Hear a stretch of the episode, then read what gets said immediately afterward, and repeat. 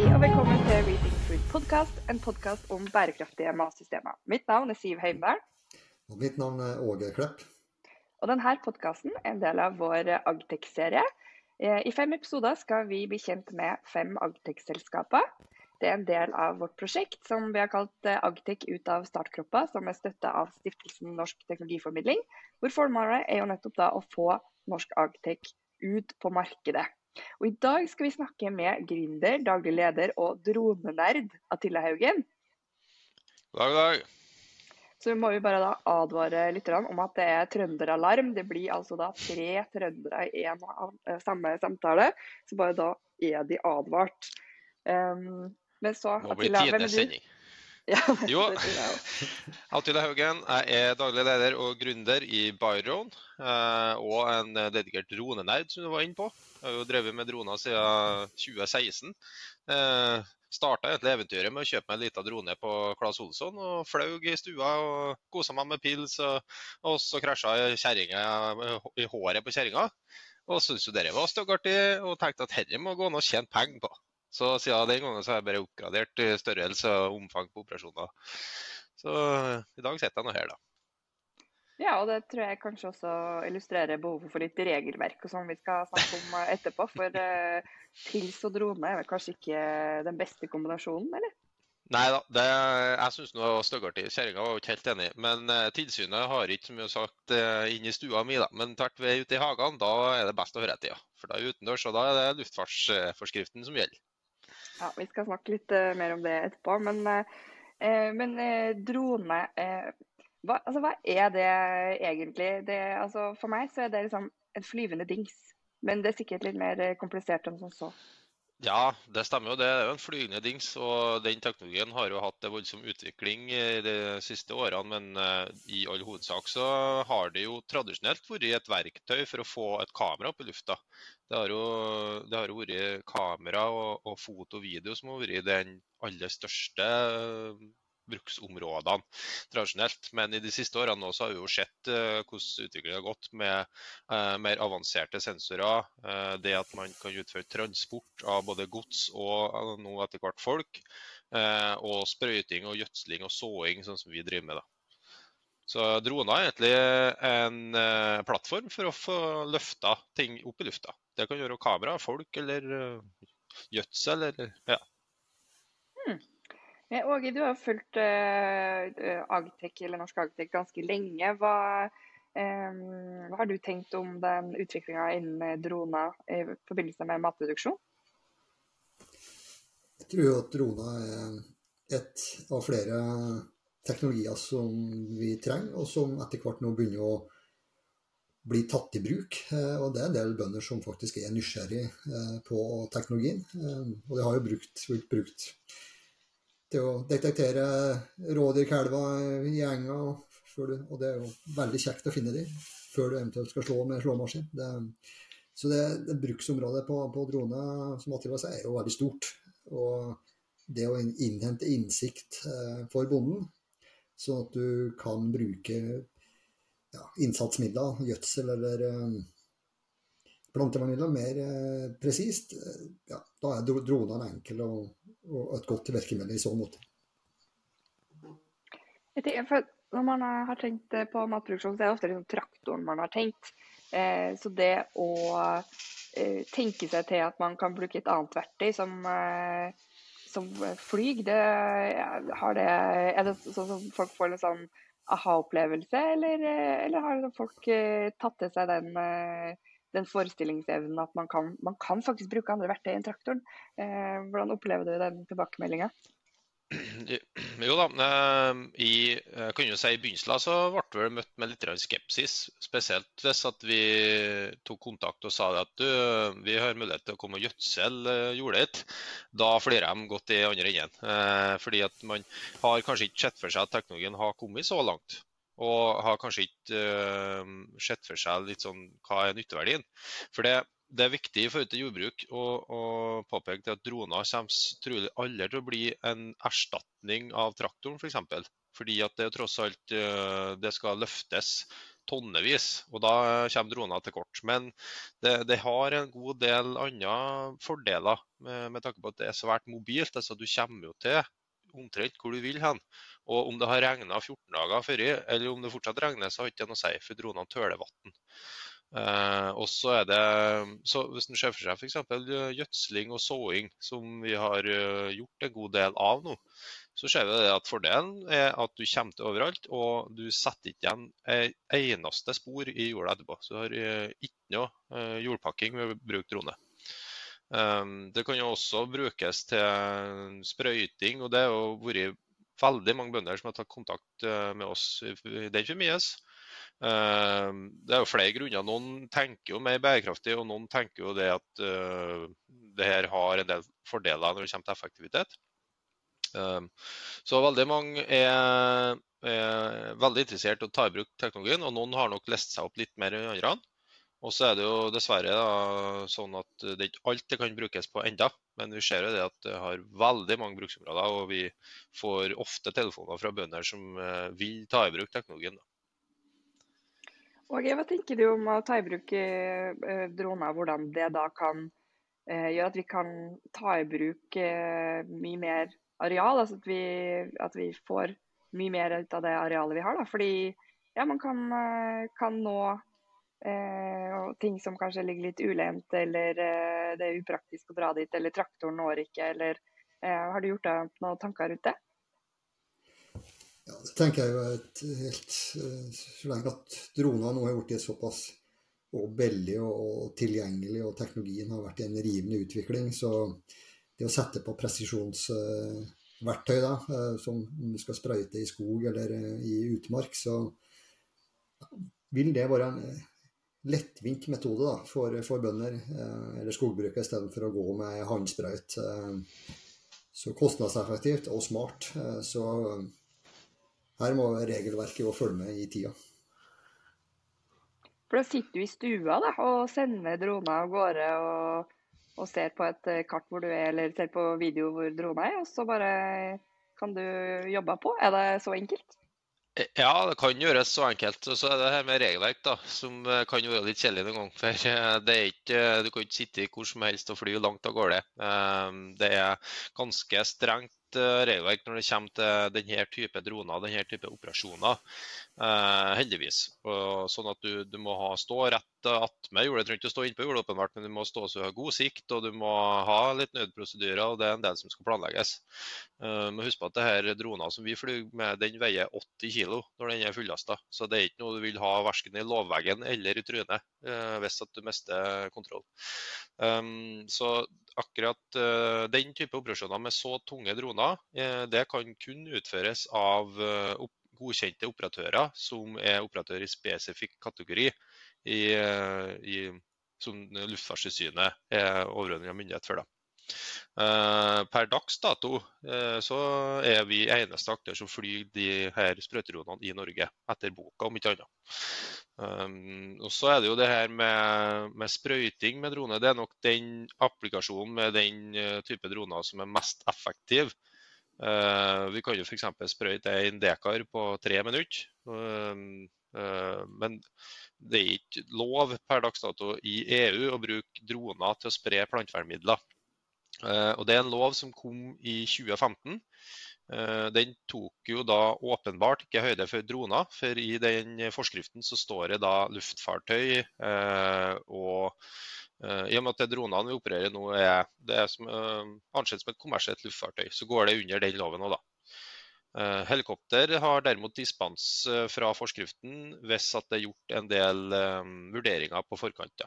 Så Det vi prøver å få til nå, er at uh, drone og helikopter skal likestilles i den forskriften når det gjelder dispensasjon. da.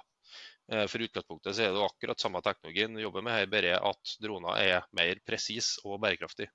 Det er tross alt uh, Vi flyr på tre til fire meter høyde. Så det er en enorm forskjell når det kommer til avdrift f.eks. fra helikopter og drone.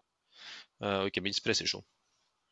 Så Regelverket er ganske strengt, men det her, spesielt når det kommer til droneforskriften, så er det ganske nytt. Så det er noe som er hele tida endring. Og vi må huske på at Norge er en av de foregangslandene når det kommer til å ta i bruk droner i Europa. Vi er en av de aller fremste nasjonene til å, å ta i bruk droner på en innovativ og fornuftig måte. Så vi går litt løypa opp her nå så, mens den blir til. Så jeg tror nok at uh, mange flere kan ta i bruk uh, droner av den størrelsen som vi flyr nå i framtida.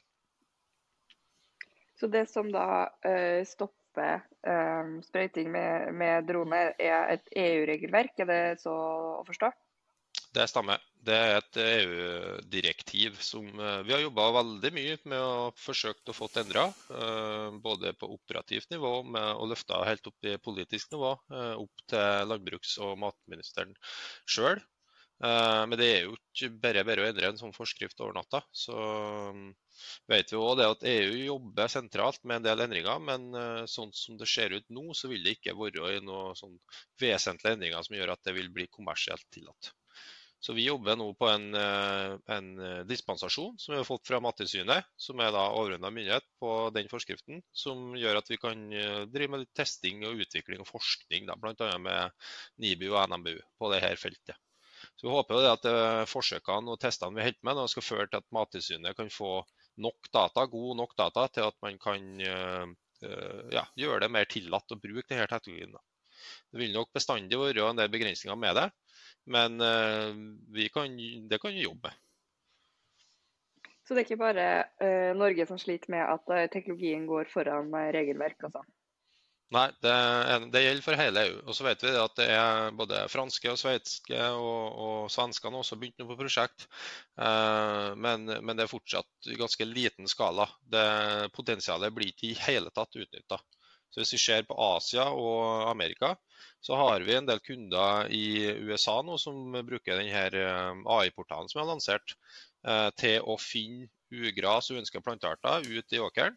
Der at de får koordinaten på hver eneste plante med, med gitt nøyaktighet. Og så bruker de her sprøytedronene til punktsprøyt eh, i stor grad. Så der har de virkelig klart å, å tatt i bruk teknologien og, og effektivisert det. Så USA er det lov, altså? I USA er det lov. Det, det, er jo forbundet med regelverk eh, der òg, så det er ikke bare å gå på Best and Buy og kjøpe seg drone og tut og kjøre. Det, du må jo ha lisenser for å fly og, og sprøytesertifikat og alt sånt òg. Men det er ingen sånn showstopper som sier at uh, nei, eh, det er ikke lov. Det, du, ting må være på stell, det er greit nok. Men det er fortsatt lov der, da. Men den her AI-plattformen, fortell, fortell, om den. Den ble jeg litt nysgjerrig på. Ja, vi har jo jobba med droneteknologi i jord og skog nå siden 2020. Og en, eh, ja, stort sett alt det vi gjør av analyser, sånt, det er jo ting som um, må ha relativt god erfaring og kunnskap for å få til. Så Enkelt sagt så er det avanserte greier.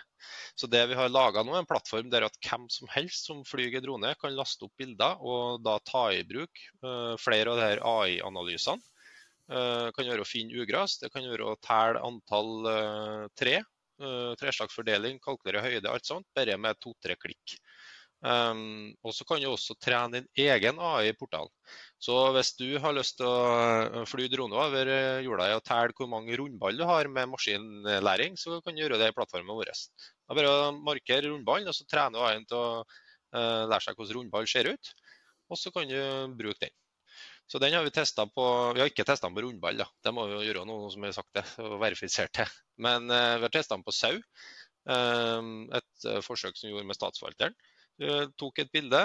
Vi lærte A1 til å skille mellom svart og hvit sau. og Så ga vi den et nytt bilde, og så telte den da automatisk hvor mange vi hadde av hver, hver sau. Så Det er rett og slett en, en plattform som vi ønsker at denne teknologien skal bli mye enklere å ta i bruk. AI og droner kombinert. Så du er mer enn bare dronenerd, altså? Du driver på med litt uh, utvikling òg? Det høres ut som uh, det er ganske to helt uh, forskjellige ting? Ja. ja, jeg tror nerd er kanskje mer dekkende enn bare dronenerd. um, ja, så vi, vi, vi, ser nå litt på hva som er behovet i markedet, og, og ser litt på hva vi leverer og hva potensialet er. Da. Så prøver vi å, å få tilgjengeliggjort det. Og det er klart En software sånn som det her er jo langt mer skalerbar for oss forretningsmessig enn f.eks. For det å, å gjødsle og så. Jeg blir ikke meg på båten med fem kilo gjødsel og drar til USA, for å si det sånn. Det leverer heller software. Hvordan er forretningsmodellen da? Betaler folk for å laste opp bilder, eller er det en abonnementsløsning? Jeg ble veldig nysgjerrig her. Ja, det er egentlig ganske enkelt. Du laster opp eh, bilder som da vil dekke et visst areal, og så betaler du for det arealet som eh, du har kartlagt. Så eh, er, du betaler for antall dekar du analyserer, rett og slett. Så om det i, i Skogbruket i Norge og Sverige har jo begynt å ta i bruk det her litt nå. Og for skogen er jo alt som gjøres i skogen, hvis du ser bort fra hogstmaskinen og lastebæreren, så er det jo manuelt. Kartlegging og skopleie og alt sånt, det gjør du til fots. Så det blir nytteverdien med å ta i bruk droner enda større. Eh, så du kan kartlegge flere hundre dekar i timen, laste opp bildene og så trykke på én knapp. Og så vil da portalen telle antall bartre, antall lauvtre, kalkulere høyden, eh, fortelle hvor du har plantetetthet, sånn og sånn. Så, og det her er noe som åpenbart også kan brukes i f.eks. grønnsakproduksjon. Eh, det er enkelt å se en kål fra lufta og få en AI til å kjenne igjen den. Det finnes det jo veldig mye tilgjengelig software før òg. Eh, så vidt meg bekjent ingen av dem norsk. Så vi satser jo hovedsakelig på skog i første gang nå, men denne teknologien er jo veldig mm, fleksibel og, universal. Så vi bruker å si det at så lenge at du klarer å se eh, et objekt i et bilde som du vil trene en AI til å finne, så kan du det. Så, så ta bilder av det, så kan du, og du ser det, så kan du trene annet til å finne det. Ja, altså det du snakker om her, er jo en effektivisering på Jeg er nok ikke så god i presentering, men det blir ganske mange prosent. Ja, det eh, blir, det blir nok det.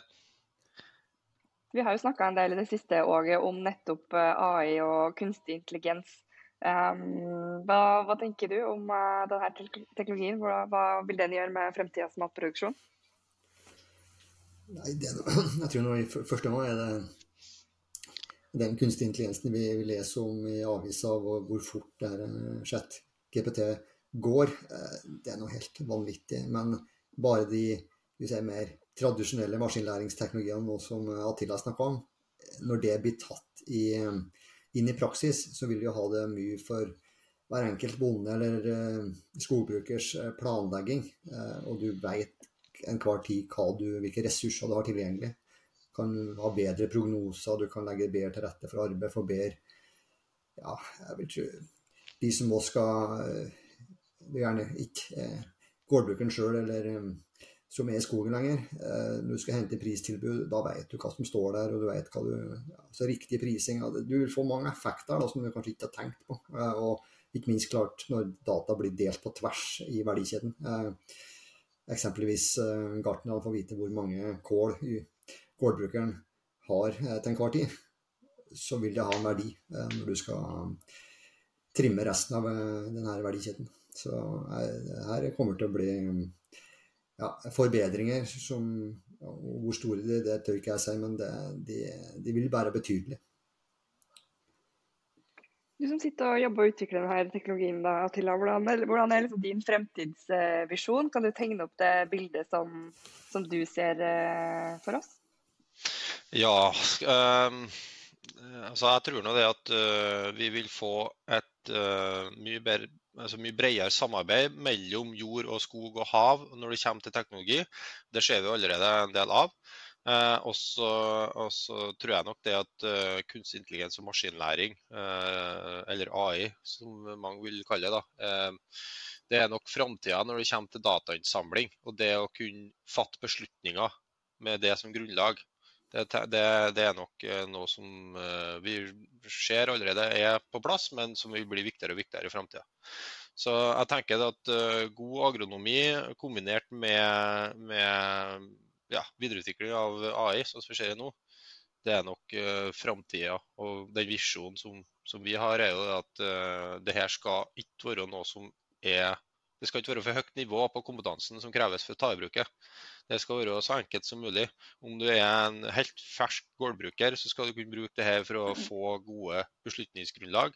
Eh, er du en senior som har drevet gård i 40 år, men kanskje er litt redd for å både bruke drone og nettbank, så skal det fortsatt være veldig enkelt å ta i bruk denne type teknologi. Eh, og så vet vi det at for hver en eh, lærdom som en sånn maskinlæringsting gjør, så blir jo resultatene bedre og bedre. Jeg leste jo en eh, interessant eh, kronikk i Aftenposten her forleden, hvor de snakker nettopp om at AI-teknologi gjør jo da at det dramatisk øker kompetansen. da. Altså, eksempelvis var jo da med drosjesjåfører at Eh, det som var fordelen til en drosjesjåfør før, var jo at eh, jo, de hadde lokalkjennskap til Oslo f.eks., men med GPS så kan jo hvilken som helst eh, idiot egentlig, med sertifikat bare sette seg foran bilen og kjøre folk rundt omkring. og Det er det som er grunnlaget for f.eks. Uber. Så tenker jeg jo at eh, mye av det som er en barriere da, for å gå inn i eh, både skogbruk, matproduksjon og hva det er, det er nettopp at du, du må jo ha vanvittig mye kunnskap om hvordan du skal forvalte jorda. Eh, og det er jo det som skiller en dårlig bonde fra en god bonde også. Nettopp det at eh, eh, ja, du er villig til å lære å ta i bruk den kunnskapen, da, men det, de analyseverktøyene som du snakker om her, gjør jo egentlig at ja, nesten hvem som helst kan, begynne, kan bli en dyktig matprodusent eller skogbruker. Da. Mm. Ja, tenker jeg det, det, Vi må få den ned på et nivå som passer både bonden og skogbrukerens hverdag. For det er jo eh, mildt sagt mer enn nok andre oppgaver å ta tak i. Um, så jeg tenker jo enklere og mer tilgjengelig det er, dess mer blir det brukt. Og spesielt hvis det kan brukes i flere sammenheng, at du får flere synergier og nytteverdier rundt det her. da. Så, så om du bruker drone til å telle skogen din i, i dag, eh, og bruker AI-plattformen til det, så kan du bruke den for å lage varierte eh, altså, eh, i morgen, hvis du har gjødselvogn som kan seksjons... En seks, eh, tar det på nytt, ja. Så om du bruker plattformen til å telle skogen med AI i dag, så kan du også bruke samme teknologi til å lage varierte tildelingskart for, for, for gjødsling så kunne gjødselen mer bærekraftig, kombinert da med, med god agronomi. Så trolig da, så, så ser vi en framtid hvor eh, vi blir mer eh, effektive, og vi bruker innsatsfaktorene våre bedre, og produksjonen øker. Ja, det tror jeg nok. Mindre av de kjedelige tingene, og bruke hjernekrafta på det som ikke AI kan enda. Ja, det var et stikkord der med enda. Hva, hva tror du de eh, eller hva er det de ikke kan til slutt, da, for å stille spørsmålet på den måten? Ja, altså En uh, kunstig intelligens kan jo ikke i like stor grad som mennesket kan i dag, kan jo ikke resonnere seg fram til et svar. Så det vil si at en, uh, en robot, uansett hvor mye AI du pakker inn i den, så vil alle kunne bli en agronom, sånn som et menneske er i dag. Fordi at det krever så mye mer enn bare statistikk, som denne AI-en er basert på. Um, så jeg tror nok ikke det er noe fare for at uh, bøndene går i dress døgnet rundt enda. Uh, må nok på med kjeledressen og ut i jordet og, og gjøre den agronomiske vurderinga. Men jeg tenker at uh, det blir brukt mer fornuftig. da. Altså, Ta f.eks. Uh, det her med å gå og telle tre, eller gå og telle planter. Den hjernen som vi har, den er såpass avansert at så kjedelige oppgaver, det, det kan vi ikke sette den til, rett og slett. Eh, det kan jo sette en maskin til å gjøre. Eh, det samme er også, også å pløye en åker. Det, det, er jo noe som en robot kan gjøre en, en, AI kan gjøre. Fordi at mennesket er såpass verdifullt og hjernen vår er så komplisert. Den må brukes til å løse mer avanserte oppgaver. Så mindre av det som er kjedelig, og mer av det som er gøy. Det høres ut som en yes. ganske bra fremtidsvisjon. Ja. Eh, men hva, når vi står Jeg lurer jo litt på hvor, hvordan du står sånn Eh, rent kommersielt? Er det bare å dundre ut denne teknologien og sende alle dronene ut eh, på markedet, eller er det noe som, eh, noe som hindrer det? Vi snakka jo med Hans Christian Vestrum, jeg lurte på om han skulle flytte til Sveits snart, og han skjønte ikke helt hva jeg mente. Så jeg lurer litt på de, er noen barrierer som står i veien for, for din suksess? Eh, ja, det er mange. Eh, jeg tror nok ikke jeg flytter mange postnummer ennå, nei. Eh, sånn at Barrieren er jo litt kunnskapen. Det å få kunder til å forstå hva er nytteverdien med å ta i bruk denne teknologien. Hvorfor skal de ringe Baron og si at de vil utføre såing eller gjødsling eller kartlegging med drone. Og så er det en del barrierer på hva vi har lov til å gjøre. Det er jo regelverk forbundet både med flyging og med det her som vi snakka om, sprøyting. Så vi har jo, vi har jo potensial på om, millionvis omsetning på sprøyting, som uh, nesten er skrevet under allerede. Men vi, vi, har ikke lov til å gjøre, rett og slett. Så det er klart det er en kommersiell barriere der òg. Um, men eh, vi dundrer nå på likevel. Vi er jo både leverandør av droner, så vi rådgiver bønder hva de skal handle, så de kan fly sjøl. Og så rådgiver vi i forhold til å ta i bruk software. Uh, og hvis det viser seg at uh, du ikke kan fly sjøl pga. regelverk, eller ikke har tida, eller det blir for avansert, så kan man jo ta i bruk oss som en tjenesteleverandør. Da. Så vi leverer egentlig ganske bredt. Uh, men i framtida så ser vi at det vil jo bli mye mer autonomi. Og blir, vi vil være i et sånn sært sjikte der at vi, når vi er ute og flyr, så er det fordi at det er eh, avanserte operasjoner, spesielle sensorer eller ting som gjør at eh, bøndene og skogbrukerne ikke kan fly sjøl.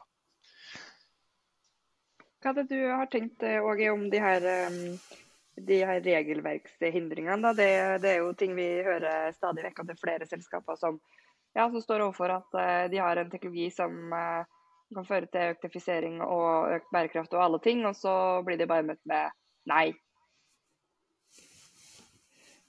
Jeg håper jo og tror at uh, norske myndigheter vil uh, være offensive. Uh, det er jo litt sånn ja, Jeg skal ikke bruke veldig mye tenkekraft til å skjønne at når det er lov med et helikopter, så burde det vært òg lov med, med drone. Det er litt sånn opplagt. Eh, men så er det noe regelverk der i bunnen eh, i EU som gjør det her litt vanskelig. Eh, men jeg tror Norge hadde tjent på å være mer framme i skoa og være litt mer villig til å gi dispenser og forstørre områder. Så du har fått testa ut det her i større monn.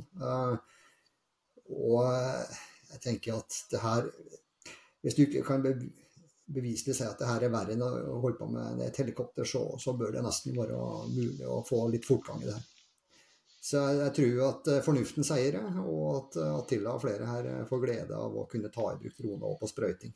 For det, det, det, det, er, ikke noe som eh, I hvert fall i, i, i mitt hode som tilsier at det skal ikke burde være lov, da, når, når det som sagt er fritt fram med helikopter med dispens. Hva tror du Atilla? Vil fornuften seire? Ja, jeg håper virkelig det. Det, eh, det. er vanskelig å si da, Litt litt det vi har opplevd av ressurser og tid som blir brukt på det.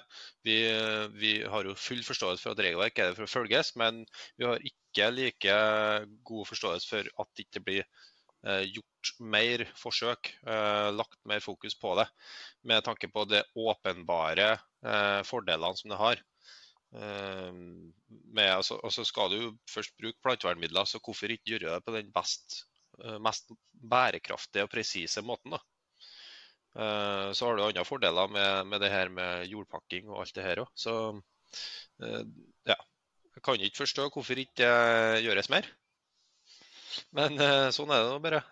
vi fortsetter nå å legge press på myndighetene og, og utfordre dem. Og det er jo til stor hjelp at flere og flere næringer og flere og flere brukere av denne teknologien også eh, ringer, tar opp telefonen og lurer på hvorfor ikke skjer ting. Så, så, nå er vi jo på eh, matvareproduksjon og vi er jo på skognæringa. Og så har jo samferdsel meldt seg på, fordi at der brukes det en del plantevernmidler. Og da går man jo da også til fots uh, med den ineffektiviteten og risikoen som det medfører, da, sett opp imot hva droneteknologien kan levere. Så jo flere, jo bedre.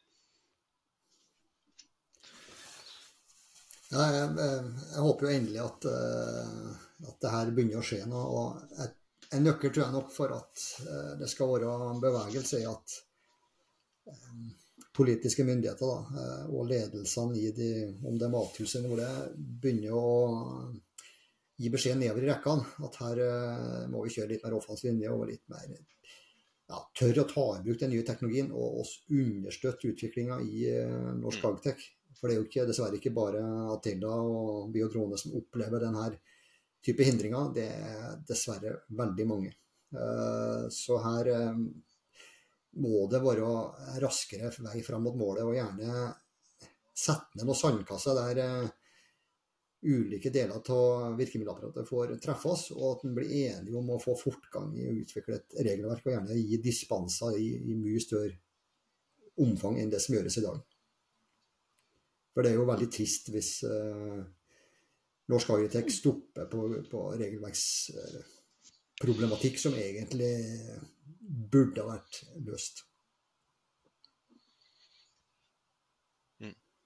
Ja, Det skal jo ikke stå på, ikke stå på si, engasjementet til Agritech-selskapene. For det er ikke bevis vi som er veldig engasjert i å få regelverksendring. Eh, både Agritech-selskapene og brukerne av teknologien er liksom frampå og så sier at jo, men eh, nå må vi teste det her. For at alle forstår at det er åpenbare fordeler at eh, det blir enkelte deler av disse regelverkene er litt sånn åpenbart utdatert.